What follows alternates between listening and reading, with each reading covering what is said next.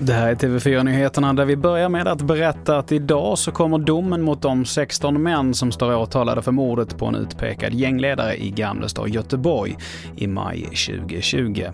Mannen sköts på öppen gata och bakgrunden anses vara en konflikt mellan kriminella gäng i Biskopsgården. Åklagaren yrkar på livstid för flera av de åtalade männen och domen kommer nu klockan 11. Och efter kraftiga regnoväder under gårdagen så väntas nu ytterligare skyfall komma in framförallt i nordvästra Dalarna och Hälsingland.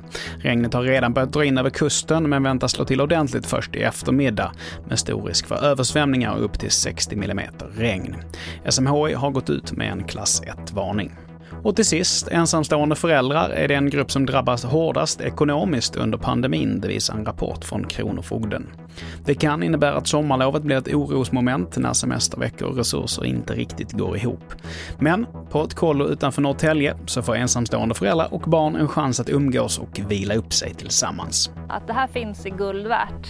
Det ges verkligen tillfälle att umgås med sitt barn samtidigt som man har möjligheten att umgås med andra i samma situation. Och i inslaget så hörde vi kollodeltagaren Sandra Wiström. Det var det senaste ifrån TV4 Nyheterna. Jag heter Mattias Nordgren.